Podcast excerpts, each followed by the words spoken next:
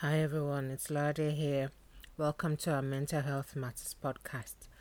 It's been a while, um, so today I will be talking about what understanding what impacts our mental well-being, uh, what in, impacts our mental health well-being and health can be um, grouped into a couple of things uh, that are going on and have happened in the past. So we'll be talking briefly about that. So generally, when we talk about what impacts our mental health, what we talk about first is what has happened in the past, um, and that has been important and made an impact in our lives. And then I will go on to talk about what the current issues are, um, how how they impact on us, and what uh, the triggers are to the difficult times we have and what keeps things stuck because sometimes it might seem like things are in a vicious cycle and it's just going over and over and over again. And lastly, I will talk about the positives. So, f- to start off, talking about past issues. So, generally, people always say past is past, you know, um, it's, um, it's just uh, you know it's happened in the past is, is, is best to just uh, forget about what's happened in the past. But truthfully, what's happened in the past does have uh, an impact on our current life. Uh, it, it makes sense to think about it and work through what has happened in the past and how uh, they they have impacted our, uh, the, how they impact our current life. So examples of that will be um, what we call adverse childhood events. Um, so we generally psychologists talk about this significant events in our lives uh, when we were children that make um, a huge, huge difference in our relationships as we grow older and in our mental well being as well. Examples of the things that happen uh, during childhood will be probably abuse, neglect, death, bereavement, uh, divorce, family separation, financial difficulties, and um, so these generally are things that um, have an impact on our lives and um, also going on from just childhood even into adolescence as well same kind of scenario when uh, people go through bereavement when they go through neglect uh, when they go through health difficulties when they go through bullying, when they go through uh, difficult relationships or breakup of relationships, even friendships. These are things that generally impact on our lives. When we look at, um, I'm going to use my myself an example now. I lost my brother when I was 11, and he was just three years older than me.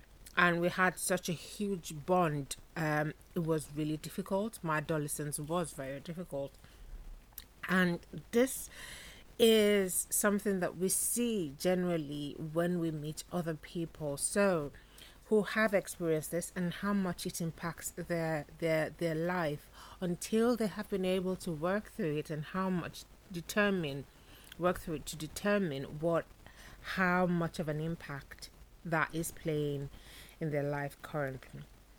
So also um we we talk go on then to think about how it's influencing you know someone's life. So current issues are really important. Um yes the past does play a role but the current issues are is the is, is ha- will have the most uh, significant impact. So when we talk about current issues or current problems we'll talk about um uh, as as we all are in difficult times, we talk about the pandemic. Um, we talk about health problems. We talk about bereavement. So many people have been bereaved over this time.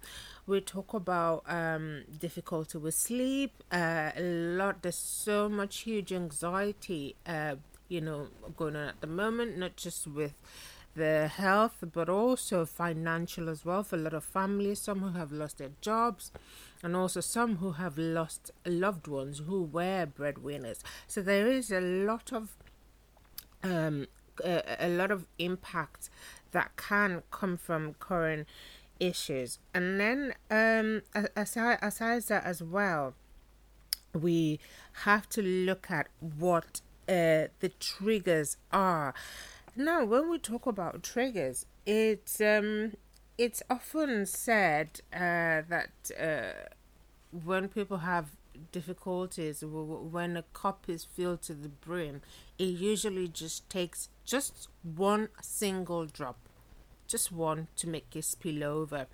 And you, you might think about it and consider, oh my gosh, it was just a single drop. But the significance is that that cup was already filled to the brim.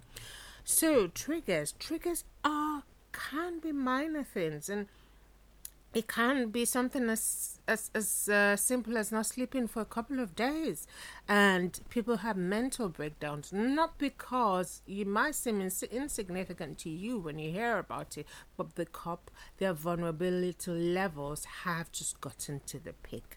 So triggers to look out for, um, you know, little things that you might think are little, but um, as I said, poor sleep, um especially uh, unemployment, difficulties at work, maybe being bullied or being um, feeling undermined, or maybe um, a, a, difficulty with a relationship. And, and, when I say relationship, not necessarily uh, uh, the the sexual relationship. I'm talking about friendships as well. Um, losing someone, which, as I said, that has uh, um, had a a role in all the ones I've talked about because that has a huge impact in our lives. So, going on, then, I will now talk about what makes things stuck. So, what makes things stuck? So, we have all these things that we've identified. We have the current issues, we have the past issues, and then we have the triggers. So, what keeps things stuck? What makes it seem like you know it's just in that cycle and I'm not moving forward or you know my loved one isn't moving forward.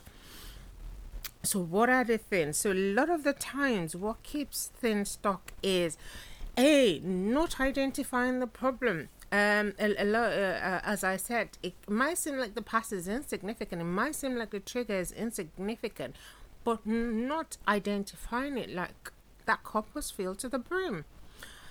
So, also, very little support.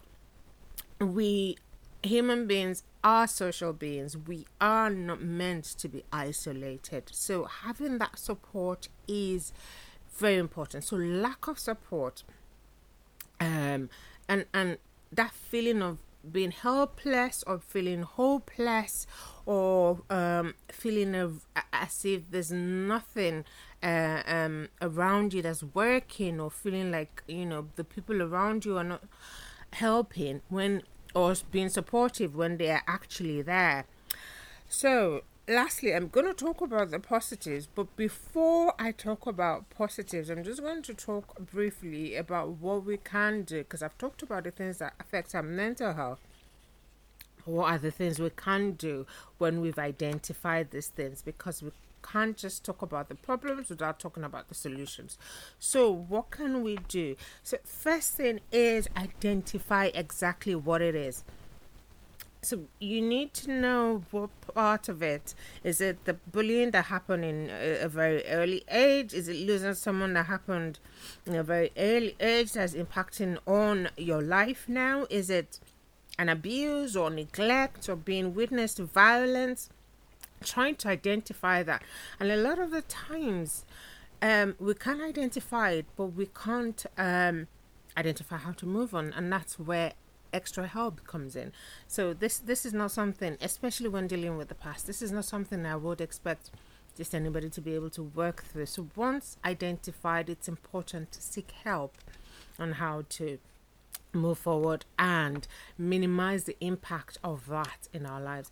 So I and then I'll talk about current issues. So um now the we we when difficult times like the pandemic so how how um do we uh, reduce the impact. So there will always, always be strengths to draw on if it's not somebody who's close to you who can help when there's um there's unemployment or somebody who can be there to provide support.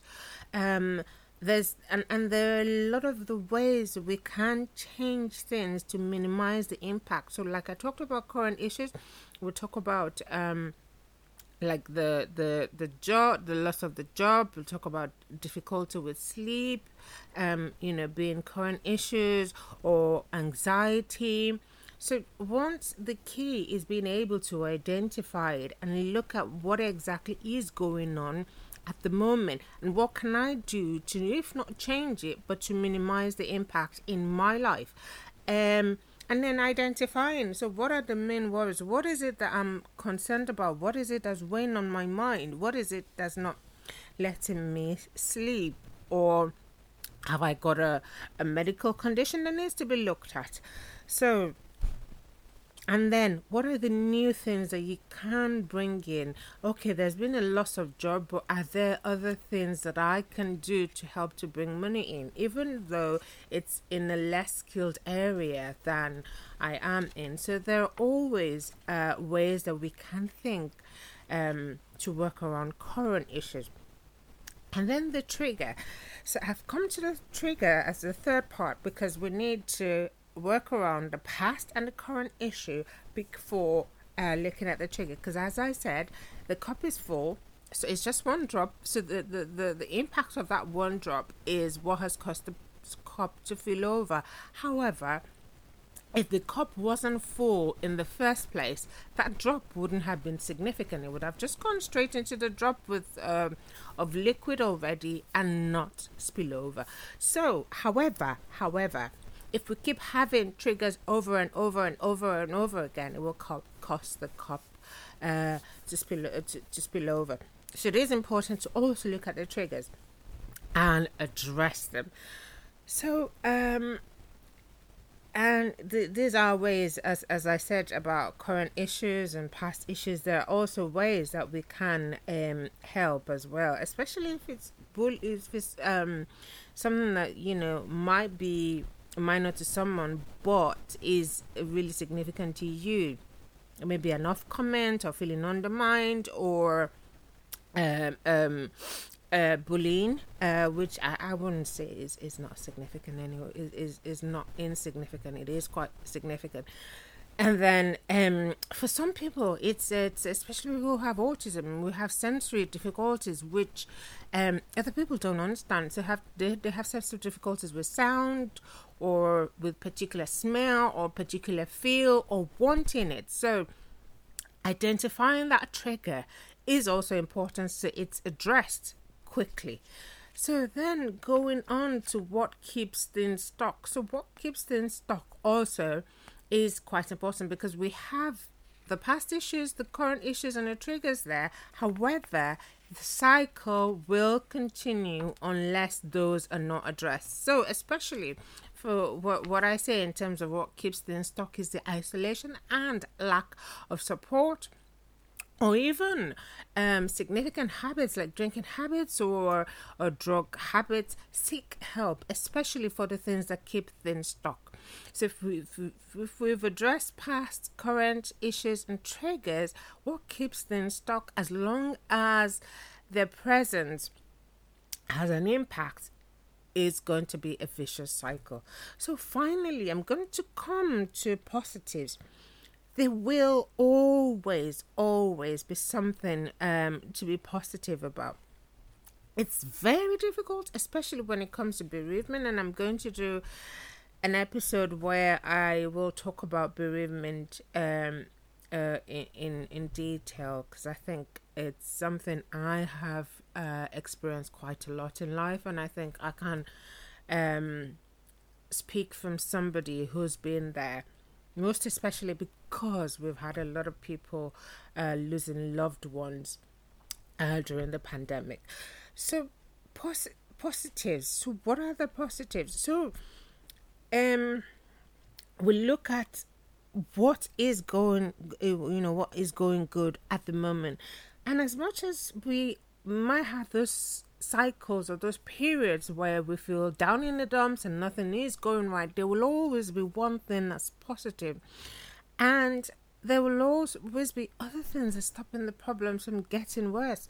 Yes, you've lost loved ones, but you also have some other loved ones who you shared that person with, who you have fond memories that you share with, and who will be there to support you, and you can support each other again what personal strengths do we do you have? We all absolutely every one of us has personal strengths and learning to draw on those personal strengths during difficult times uh, uh is a very uh, significant thing that we all need to learn also um are there people around who can help? Are there people who are interested in your well-being? So positives are things that we need to um learn to dwell on when things are not exactly going right. So talked about the things that impact our mental health and how we can get past it. Generally um